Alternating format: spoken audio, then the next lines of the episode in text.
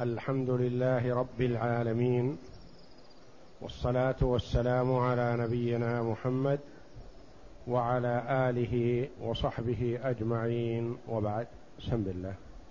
بسم الله الرحمن الرحيم. قال المصنف رحمه الله تعالى وإن أمسك طائرا في الحل فهلك فراخه في الحرم ضمن الفراخ وحدها لأنه أتلفها في الحرم.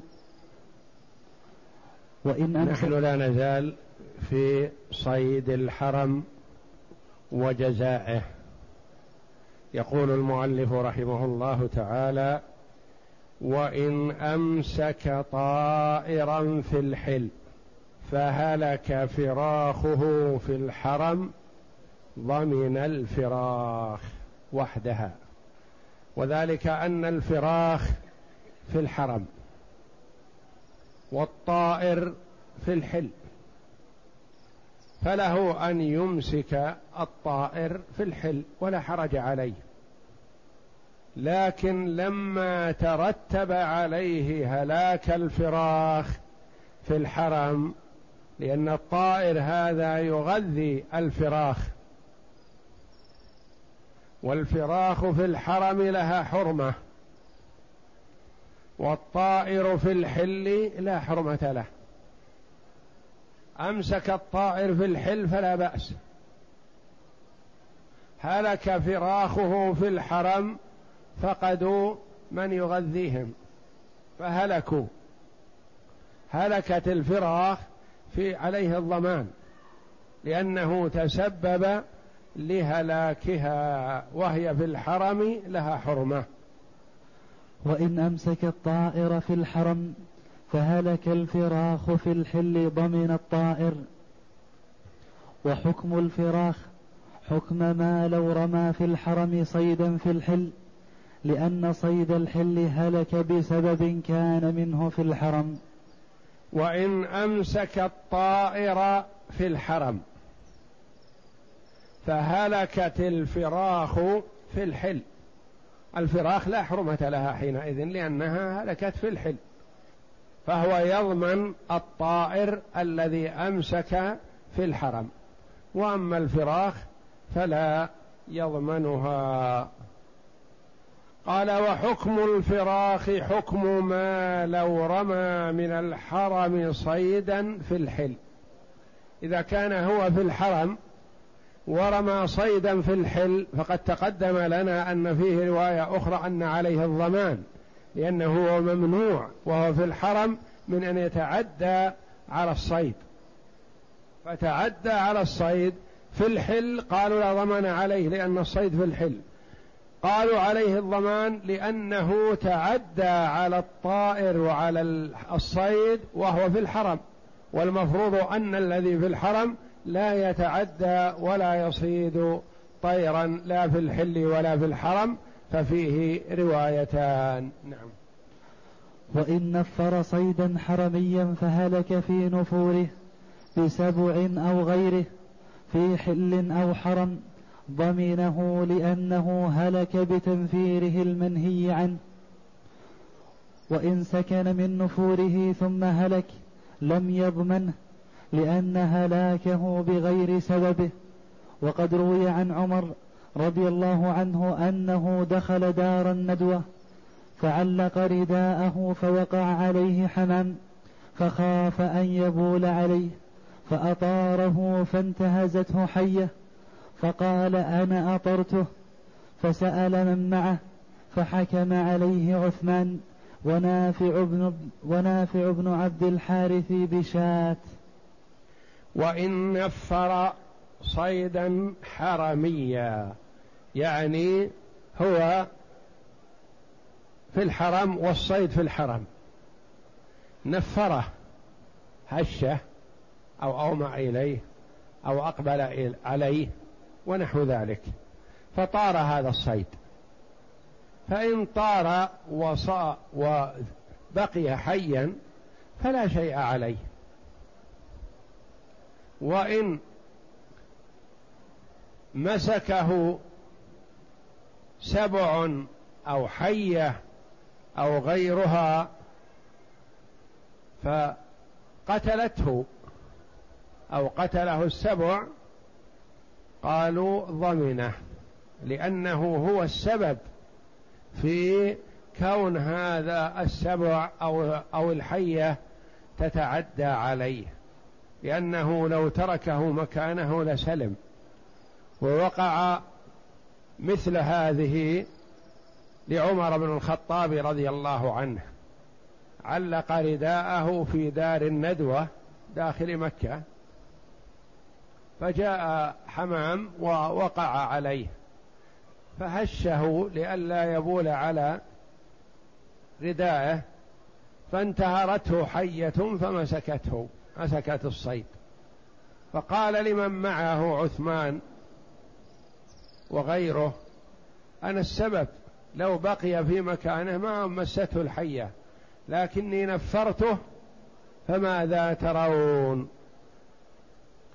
فحكم عليه عثمان بن عفان رضي الله عنه ونافع ابن عبد الحارث الخزاعي. أمره عمر رضي الله عنه على مكة لأنه من خزاعة ممن أسلم يوم الفتح. فحكم عليه بشاة قالوا أنت السبب في قتل الحية هذه الحمامة فعليك ضمانها. نعم. فصل. ويحرم قلع شجر الحرم وحشيشه كله انتهى المؤلف رحمه الله من الكلام على الصيد وبدأ بالكلام على الشجر والحشيش وغيرها. نعم. ويحرم قلع شجر الحرم وحشيشه كله لحديث ابن عباس إلا الإذخر. وما زرعه الإنسان لأنه كالحيوان الأهلي. ويحرم قلع شجر الحرم. الشجر ما له ساق وهو نوعان. شجر زرعه الآدمي وشجر نبت بدون معالجة من آدمي وحشيش. الشجر الذي زرع بدون معالجة آدمي وبدون فعل من آدمي يحرم قطعه. وكذلك الحشيش. أما الزرع الذي زرعه الآدمي فهذا له قطعه بلا إشكال. الخلاف في الشجر الذي يزرعه الآدمي ثم ينبت ويرتفع ويكون شجرا. هل له قطعه أو لا؟ قولان للعلماء رحمهم الله. الإمام الشافعي رحمه الله يرى أنه لا يجوز له قطعه. قال لأنه أصبح من شجر الحرم. زراعته وارتفاعه وثبوته أصبح من شجر الحرم. قول الجمهور أن له قطعه لأنه هو الذي زرعه فله أن يقطعه. وإن غرس شجرة فقال أبو الخطاب له قلعها لأنه أنبتها الآدميون فأشبه الزرع. وإن أخذه من الحرم فغرسه لم يبح قلعه لأنه حرمي. ويحتمل كلام الخرقي تحريم قطع الشجر كله لقوله عليه السلام لا يعضد شجرها. إذا كان أصل هذا الشجر الذي زرعه الآدمي شجر في الحرم. نبت بدون معالجة آدمي كمن يأخذ مثلا شجرة من مزدلفة شجر حرم. فيزرعها في مكان ما من داخل الحرم فلا يجوز أن يأخذها ولا أن يقطعها لأنها أصلها من شجر الحرم. وقيل يجوز قطعها لأنها من زراعة الآدمي وهو حرم عليه قطعها في الأول ونقلها لكن بعدما عالجها وزرعها فإنها نبتت بمعالجة آدمي فله قطعها. نعم. وذكر القاضي وأبو الخطاب أنه يباح قطع الشوك والعوسج لأنه بمنزلة السباع من الحيوان. والحديث صريح في أنه لا يعبد شوكها واتباعه أولى. يعني الشوك والعوشج والأغصان المؤذية كذلك كلها لا يجوز قطعها فمن قطعها فعليه فدية ذلك. وإذا أراد أن يتحاشى هذا أن يلم بعضها إلى بعض فلا حرج عليه في لمها إذا كانت مؤذية. نعم. ولا بأس بقطع ما يبس لأنه بمنزلة الميت وأخذ ما يتناثر أو ييبس من الورق وتكسر من الشجر والعيدان بغير فعل الآدمي لذلك. ما انقطع بسبب الريح مثلا أو بسبب الأمطار جرفته الأمطار فللآدمي أخذه والاستفادة منه. وكذلك ما يبس شجر يبس وأصبح لا لا حياة فيه ولا تؤمل حياته حينئذ. فللآدمي الانتفاع بهذا وكذلك ما تساقط من الورق والأغصان للآدمي الانتفاع بها لأنه لا يجوز له أن يقطع منها ما كان فيه حياة. نعم. وما قطعه آدمي لم يبح له ولا لغيره الانتفاع به في ظاهر كلام أحمد لأنه قطع محرم لحرمة الحرم فأشبه ذبح الصيد لو تعد امرؤ وقطع شجر من شجر الحرم النابت بدون معالجة آدمي فهل له أن يستفيد من هذه الشجرة؟ لا قالوا يحرم عليه ذلك ويحرم على غيره لأنها بمثابة الصيد الذي قتله في الحرم أو الصيد الذي قتله المحرم في الحرم أو خارجه فإنه لا يحل لأن الصيد إذا قتله المحرم أو قتله من في الحرم وهو صيد حرمي فإنه يصبح كالميتة لا يحل الانتفاع به. فكذلك قالوا الشجر إذا قطعه آدمي لأن قطعه إياه ظلم ولا يحل فلا يجوز الانتفاع به. نعم. ولا يجوز أخذ ورق الشجر الأخضر لأن في بعض الألفاظ ولا يخبط شجرها ولأنه يضر بالشجر أشبه نتف ريش الطير.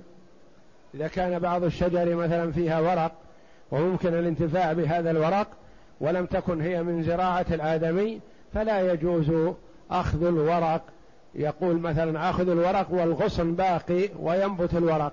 نقول لا يجوز له لأن ذلك يضعف الشجرة. نعم.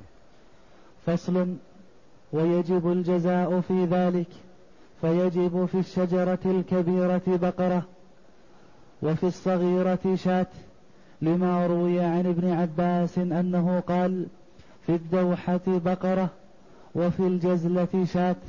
والدوحة الكبيرة والجزلة الصغيرة. إذا قطع شجرا من شجر الحرم فما الذي يلزمه؟ قالوا يلزمه ضمانه. فدية مقابل هذا. ما نوع هذه الفدية؟ قال إن كانت دوحة يعني شجرة كبيرة عظيمة ففيها بقرة. وإن كانت شجرة متوسطة ففيها شاة. وإن كانت شجرة صغيرة أو أغصان أو نحو ذلك ففيها قيمتها. القول الآخر أنه يحرم قطع الشجر وأخذ الحشيش وقطع الأغصان لكن لو حصل من إنسان قالوا لا على لا ضمان عليه لأن الضمان يلزم أن يكون بنص. وهذا لم يرد فيه نص عن النبي صلى الله عليه وسلم وإنما يروى من اجتهاد الصحابة رضي الله عنهم. نعم. وإن قطع غصنا ضمنه بما نقص كأعضاء الحيوان فإن خلف مكانه فهل يسقط الضمان على وجهين؟ أحدهما لا يضمنه كشعر الآدمي وسنه والثاني يضمنه لأنه أتلفه. وإن قطع غصنا ضمنه غصن من شجرة عليه فدية ذلك لأنه ينقص الشجرة. فإن خلفه مكانه وجد نبت غصن آخر مكان هذا الغصن فهل يلزمه أو لا؟ قولان قيل يلزمه لأنه قطع هذا الغصن فعليه ضمانه. القول الآخر أنه ما دام أنه نبت في مكانه فلا ضمان عليه لأنه مثل ما لو قلع سن آدمي ثم نبت هذا السن بدال بدل التالف فلا يلزمه ضمان هذا السن حيث أنه نبت مكانه غيره. نعم. وإن قلع شجرة لزمه ردها إلى موضعها كمن صاد صيدا لزمه إرساله. إذا قطع شجرة من شجر الحرم جاهلا أو ناسيا أو متعمدا فإن عليه أن يردها مكانها. فإن ردها في مكانها ونبتت فلا بأس عليه. وإن ردها في مكانها وماتت وذبلت فعليه ضمانها. نعم. فإن أعادها فيبست ضمنها. لأنه أتلفها. وإن نبتت كما كانت لم يضمنها كالصيد إذا أرسله. مثل ما لو مسك حمامة ثم قيل له حرام حرام عليك. فأرسلها تركها. فلا شيء عليه ما دامت لم تتضرر بهذا المسك. نعم. وإن نقصت ضمن نقصها كالصيد سواء. إذا نقصت يعني نبتت لكن نبتت بنقص. يضمن مقدار نقصها. فصل ويحرم قطع حشيش الحرم لقول النبي صلى الله عليه وسلم لا يختلى خلاها. ويضمنه بقيمته كما يضمن صغار الصيد بقيمته. وإن استخلف فهل يسقط الضمان على وجهين؟ ويحرم قطع الحشيش. الحشيش النابت الصغير في أرض الحرم يحرم قطعه. فإن قطعه فماذا عليه؟ عليه ضمانه بقيمته حسب ما يساوي. يلزمه هذا. فإن قطعه ونبت مكانه آخر فهل يلزمه الضمان أو لا؟ قولان على نحو ما تقدم. نعم. وفي إباحة رعيه وجهان أحدهما يباح لأن الحاجة تدعو إليه فأشبه قطع الإذخر والثاني يحرم لأنه تسب لأنه تسب تسبب إلى تسبب إلى إتلافه فهو كإرسال الكلب على الصيد. وفي إباحة رعيه وجهان. أما إذا انطلقت الغنم أو الإبل أو البقر ورغت ورعت بنفسها فلا بأس بهذا ولا يمنع. لكن كون الإنسان يخرج غنمه من حوشه أو من أرضه لأجل أن ترعى ويرعاها فلا يج... فهذا محل خلاف بين العلماء. بعضهم قال لا يجوز لأن هذا إتلاف وإن كان إتلاف غير مباشر منه لكنه تسبب فيه حينما يخرج غنمه أو إبله لترعى حشيش الحرم فكأنه تسبب في قطعه. القول الآخر أنه لا شيء عليه في هذا لأننا لم نؤمر بتكميم أفواه الحيوانات لأنها ترعى من تلقاء نفسها. والأولى للإنسان ألا يرعاها يعني لا ينبغي له أن يرعاها أن يخرجها ويسوسها ويرعاها لترعى الحشيش لا. وإنما إذا خرجت هي أو انفلتت وأكلت فلا بأس بهذا. وتباح الكمأة لأنه لا أصل لها فأشبهت الثمرة. وتباح الكمأة الكمأة التي هي الفقع وأنواعه يباح لأنها لا عروق لها ليست من الشجر وإنما هي أشبه ما يكون بالثمرة مثل ما يؤخذ من, من الشجر من من ثمر يؤكل حتى وإن كان بري فثمرته تؤكل. وكذا ما زرعه الآدمي من النخيل وغيره تؤخذ ثمرته فكذلك الكمعة ونحوها الأشياء التي لا عروق في, في لها في أصل الأرض نعم. فصل يكره إخراج تراب الحرم وحصاه لما روي عن ابن عمر وابن عباس أنهما كرها ويكره إخراج تراب الحرم وحصاه لأنه إذا منع الإنسان من إخراج الشوك ومن قطع الشوك ومن أخذ الحشيش. قال ابن عمر وابن عباس رضي الله عنهما لا يخرج تراب الحرم إلى خارج الحرم. إذا أخذ تراب الحرم من مكان إلى مكان آخر فلا بأس بذلك. لكن يخرج تراب الحرم إلى خارج الحرم قالوا لا لأن هذا قريب وشبيه بأخذ الشوك أو الأغصان أو نحو ذلك. نعم. ولا يكره وهذا كراهة وليس بتحريم. نعم. ولا يكره إخراج ماء زمزم لأنه يستخلف ويعد للإتلاف فأشبه الثمرة. أما ماء زمزم ماء زمزم الحرم مثلا الرجل يريد أن يخرجه معه إلى مكان ما. هل له ذلك أو لا؟ نعم له ذلك. أولا روي عن عائشة رضي الله عنها أنها كانت إذا خرجت من مكة أخذت معها شيئا من ماء زمزم وكان بعض الصحابة ينقله ومثل هذا لا يخفى على النبي صلى الله عليه وسلم. ثانيا أن ماء زمزم مما يتجدد فهو بمثابة الثمرة الشيء الذي يتجدد يؤخذ ويأتي بدله. يؤخذ ويأتي بدله. فللمرء أن يخرجه من الحرم ولا بأس بذلك ما لم يكن في هذا شح أو مضايقة على أهل مكة. فإن كان فيه شح أو مضايقة على أهل مكة فلا يجوز إخراجه. فصل ويحرم صيد مدينة النبي صلى الله عليه وسلم وشجرها لما روى أنس أن النبي صلى الله عليه وسلم أشرف على المدينة فقال اللهم إني أحرم ما بين جبليها مثل ما حرم إبراهيم مكة وفي لفظ لا يقطع شجرها متفق عليه.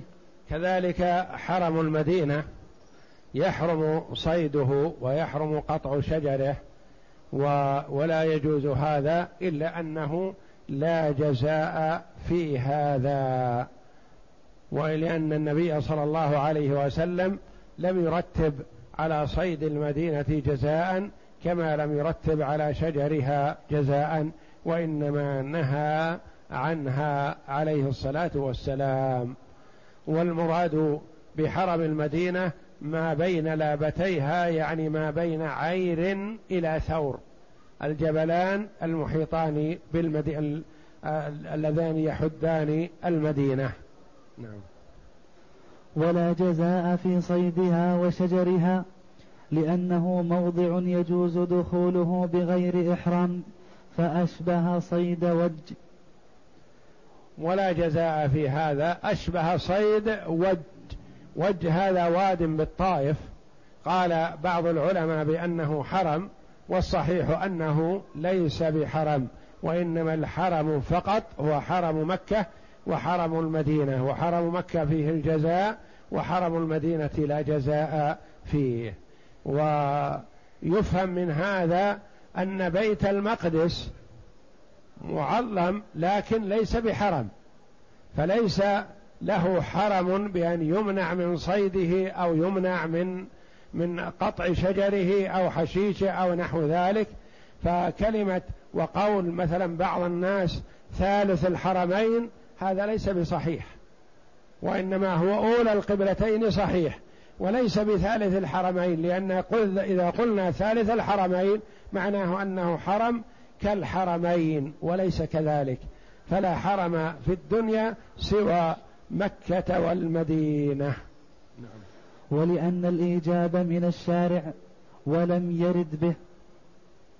ما ورد في صيد المدينة فدية. نعم. وعنه فيه الجزاء وهو سلب رواية عن الإمام أحمد أن فيه الجزاء. نعم. وهو سلب القاتل سلب وهو سلب. وهو سلب القاتل لآخذه لما روي أن سعدا ركب إلى قصره بالعقيق فوجد عبدا يقطع شجرا أو يخبطه فسلبه. فلما رجع سعد جاء أهل العبد فكلموه أن يرد عليهم. فقال معاذ الله أن أرد شيئا نفلني. نعم فقال معاذ الله أن أرد شيئا نفلنيه رسول الله صلى الله عليه وسلم. وأبى أن يرد عليهم رواه مسلم. وفي لفظ قال إن رسول الله صلى الله عليه وسلم حرم هذا الحرم وقال من وجد أحدا يصيد فيه فليسلبه.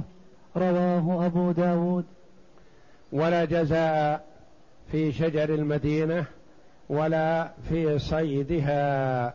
وعنه عن الإمام أحمد رحمه الله فيه الجزاء. ما هذا الجزاء؟ شاة بدنة؟ لا. قال هو سلب القاتل لآخذه. لما روى روي أن سعدا ركب إلى قصره بالعقيق. العقيق خارج المدينة بحذاء المدينة. فوجد عبدا يقطع شجرا أو يخبطه فسلبه. فلما رجع سعد جاءه أهل العبد فكلموه أن يرد عليهم فقال معاذ الله أن أرد شيئا نفلنيه رسول الله صلى الله عليه وسلم. ذلك أن سعد أخذ ما مع العبد ثم جاء أهل العبد الرقيق يطلبونه فقال لا هذا شيء أعطاني إياه ونفلني إياه رسول الله صلى الله عليه وسلم. كان رضي الله عنه كريما لو سألوه من ماله أعطاهم ما أرادوا. لكن شيء يقول نفلنيه وجعله النبي صلى الله عليه وسلم لي لا أعطيه لغيري. نعم. وحد حرمها ما بين لابتيها بريد في بريد. قال كذا ما بين الجبلين ما بين عير إلى ثور وهما معروفان في المدينة. نعم.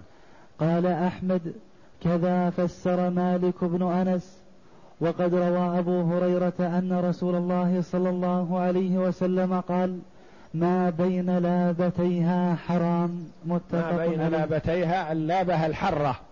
يعني ما بين الحرتين وما بين عير إلى ثور هذا حرم المدينة. نعم. فصل ويفارق حرم مكة في أن من أدخل إليها صيدا من خارج فله إمساكه وذبحه لأن النبي صلى الله عليه وسلم كان يقول يا أبا عمير ما فعل النمير ما فعل النغير متفق عليه. وهو وهو طائر كان يلعب به فلم فلم ينكر عليهم إمساكه. ويفارق حرم المدينة حرم مكة بأن حرم المدينة إذا أدخله الإنسان أنها تستمر في ملكه ولا يلزم إطلاقها. بخلاف ما إذا أدخل حرم مكة صيدا لزمه إطلاقه. والدليل على هذا أن النبي صلى الله عليه وسلم كان يمر على صبي يقال له أبو عمير وهو يلعب في طير بين يديه ثم مر به في اليوم في فيما بعد ذلك فما وجد بين يديه شيء فقال له ما فعل النغير يا أبا عمير؟ أين هو؟ أين طيرك الذي كنت تلعب به بالأمس؟ فدل هذا على جواز إمساك الطير في المدينة لأنه لو كان لا يجوز لقال لهم النبي صلى الله عليه وسلم لا يجوز لكم أن تمكنوا هذا الصبي من الطير يلعب به لأنه يلزم إطلاقه. فتبين من هذا أنه لا يلزم إطلاقه إذا أدخله المدينة. وهذا الحديث يروى أن الإمام الشافعي رحمه الله استنتج منه مئة مسألة. كان في فراشه بعد صلاة العشاء ولم يقم إلا بعد إلا لصلاة الفجر وهو لم يرقد لأنه صلى الفجر بوضوء العشاء رحمه الله. وسئل عن ذلك فقال إنه تأمل هذا الحديث واستنتج منه مئة مسألة وفضله على قيام الليل لأن مذاكرة العلم والاستنتاج والبحث في المسائل العلمية لا شك أنه أفضل من الصلاة لأن الصلاة للمرء نفسه بينما طلب العلم والبحث فيه والتحقيق ونحو ذلك هذا يتعدى نفعه. فاستنتج الإمام الشافعي رحمه الله من هذا الحديث يا أبا عمير ماذا فعل النغير؟ ماذا فعل النغير يا أبا عمير؟ مئة مسألة رحمه الله. نعم. ويجوز أن يأخذ من شجرها ما تدعو الحاجة إليه للمساند والوسائد والرحل ومن حشيشها ما تدعو الحاجة إليه للعلف لما روى جابر أن النبي صلى الله عليه وسلم لما حرم المدينة قالوا يا رسول الله إنا أصحاب عمل وأصحاب نضح وإنا لا نستطيع أرضا غير أرضنا فرخص لنا. فقال القائمة والوسائد والعارضة. والوسادة. والوسادة والعارضة والمسد فأما غير ذلك فلا يعبد ولا يخبط منها شيء رواه الإمام أحمد. قال ويجوز أن يأخذ من شجرها ما تدعو الحاجة إليه ما يحتاجه المزارع في زراعته أو العامل في عمله له أن يأخذه لكن ما يأخذ من شجرها ليبيع أو يأخذ من شجرها لغير حاجة لا يجوز هذا. لأن النبي صلى الله عليه وسلم لما حرم المدينة قال له أصحابها يا رسول الله إن أصحاب عمل وأصحاب حرث ولا نستطيع أرضا غير أرضنا يعني الأرض البعيدة بعيدة علينا فنحن في حاجة إلى أن نأخذ من شجر المدينة مما حولنا. فرخص لهم صلى الله عليه وسلم في هذه الأعمدة ونحوها التي يحتاجها المزارع أو يحتاجها الجمال في نقله وذهابه ورحيله ونحو ذلك. نعم. فأما صيد وج وشجره وهو واد من أودية الطائف فحلال لأن الأصل الحل وقد روي في حديث ضعفه أحمد وذكره الخلال في كتاب العلل. في وادي وج ورد فيه حديث ضعيف فأخذ به بعض العلماء قال إن وادي وج حرم فلا يقطع شجره ولا يصاد صيده ونحو ذلك ألحقوه بحرم مكة والمدينة. والإمام أحمد رحمه الله يقول الحديث في وادي وج ضعيف فلا يصح أن يؤخذ به والأصل الإباحة. الأصل الحل. ما لم يرد شيء صحيح يؤخذ به لأن أمور ديننا ولله الحمد ثبتت بالقرآن أو بالسنة الصحيحة.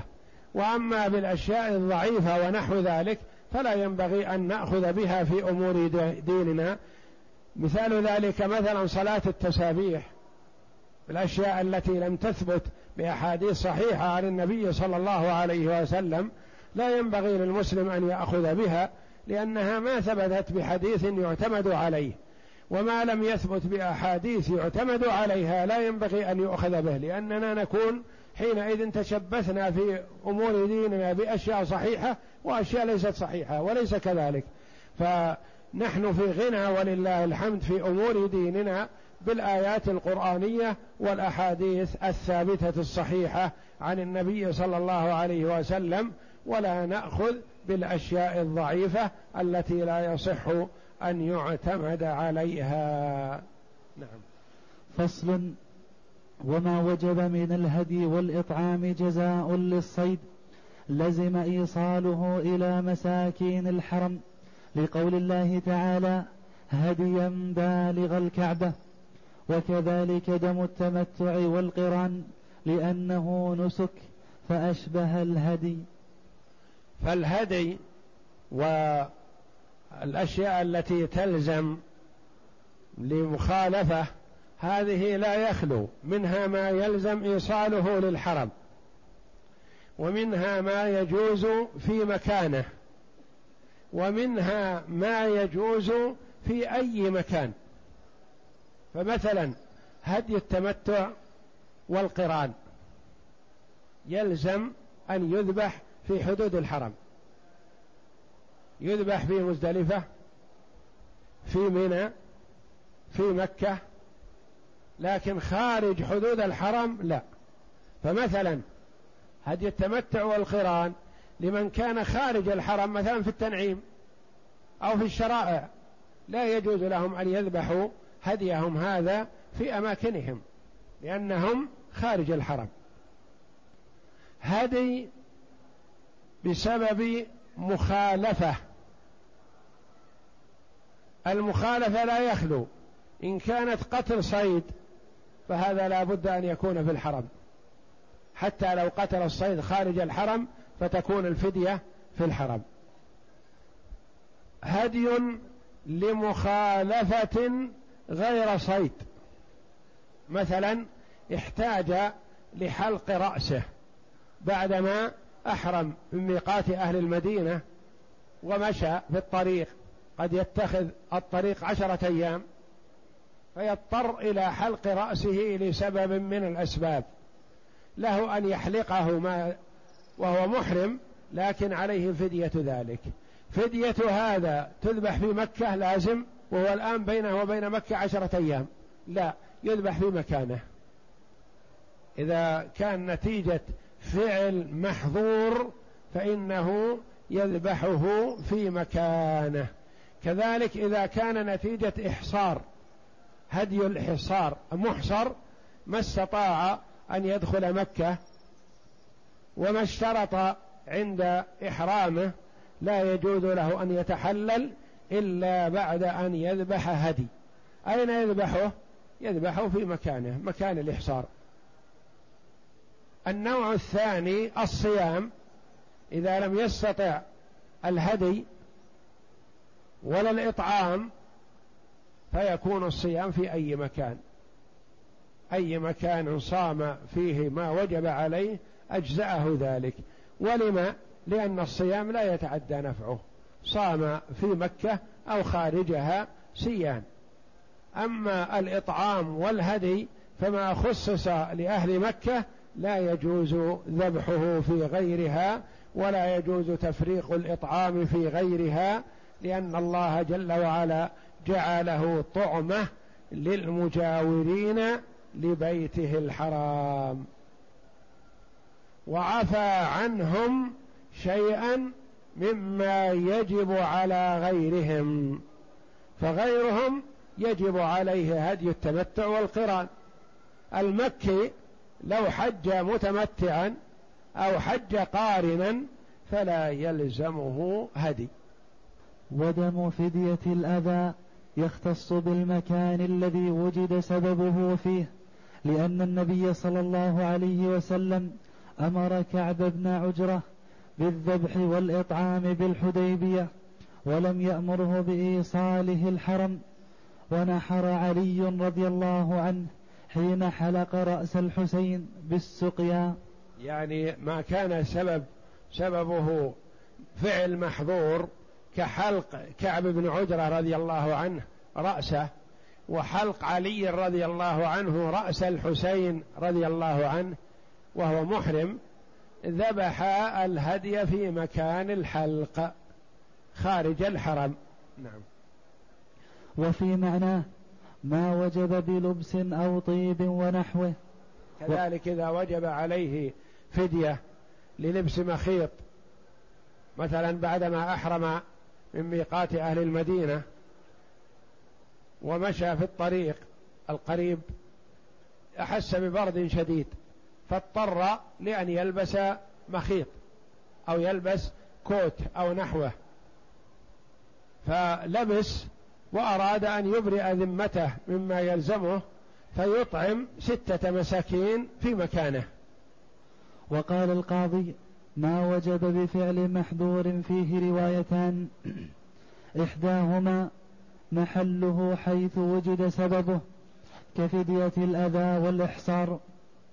والثانية محله الحرم لقول الله تعالى ثم محلها إلى البيت العتيق. وقال ابن عقيل إن فعل المحذور لعذر يبيحه فمحل هديه موضع فعله وإن فعل لغير عذر فمحله الحرم. ابن عقيل من فقهاء الحنابلة رحمه الله يقول إذا فعل المحظور لعذر كأن يكون حس ببرد شديد فاضطر لأن يلبس. يقول يخرج الفدية في محله. وينتهي أمره. أما إذا فعل المحظور لغير عذر عدم مبالاة مثلا فإنه يلزمه أن يؤدي هذه الفدية إلى الحرم. نعم. وأما هدي المحصر فمحل نحره محل حصره لما روى ابن عمر أن رسول الله صلى الله عليه وسلم خرج معتمرا. فحالت كفار قريش بينه وبين البيت فنحر هديه وحلق رأسه بالحديبية. رواه البخاري ونحوه. نعم. وبين, وبين الحديبية والحرم ثلاثة أميال. يعني أن المحصر في أي مكان قريب من الحرم أو بعيد من الحرم إذا ما تيسر له الدخول لسبب من الأسباب وهو لم يشترط فإنه ينحر الهدي في مكانه ويتحلل. أما إن كان اشترط أن محلي حيث حبستني فإنه يتحلل ولا شيء عليه. نعم. ولأنه جاز التحلل في غير موضعه للحصر فيجوز النحر في غير موضع النحر. وعن أحمد لا يجوز نحره إلا في الحرم لقول الله تعالى هديا بالغ الكعبة. يعني هذه رواية أخرى عن الإمام أحمد أن هدي الإحصار يلزم بعثه إلى مكة. نعم. فعلى هذا يبعثه إلى الحرم ويواطئ من يبعثه على اليوم الذي ينحره فيه فيحل حينئذ. يعني أنه لا يتحلل حتى يذبح عنه. ومن المعلوم أنه لا يدري. قال يتواطأ مع من يبعثه معه. يقول اذهب بهذا الهدي واذبحه في يوم الاربعاء مثلا في مكة. فإذا علم أن صاحبه ذبح هديه حينئذ تحلل. نعم. وأما الصيام وأما الصيام كله فيجزئه بكل مكان لأنه لا نفع فيه لأهل المكان. فلم يختص بمكان كرمضان. يعني كرمضان يجوز صيامه في أي مكان كذلك إذا لم يستطع الهدي وقلنا يجب عليه الصيام فإنه يصوم في أي مكان إلا ما خصص من قوله صلى الله من قوله جل وعلا فصيام ثلاثة أيام في الحج وسبعة إذا رجعتم.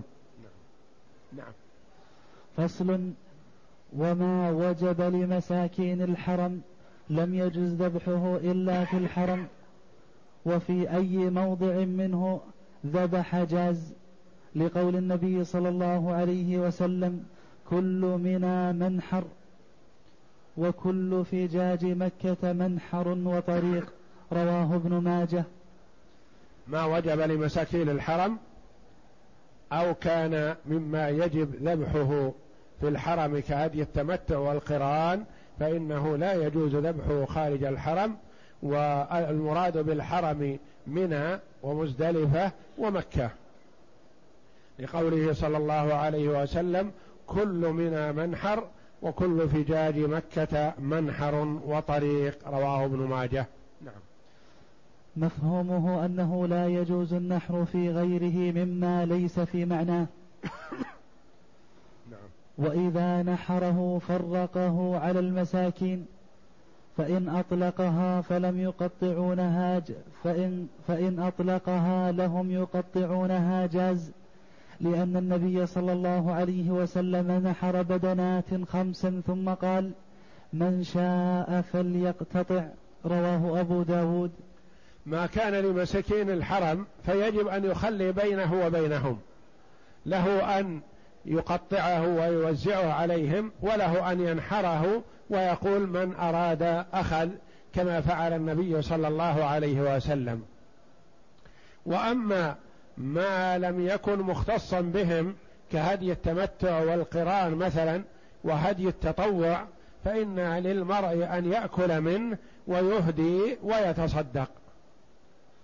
ومساكين الحرم من حله من أهله وغيرهم لأن النبي صلى الله عليه وسلم أطلقها لمن حضره.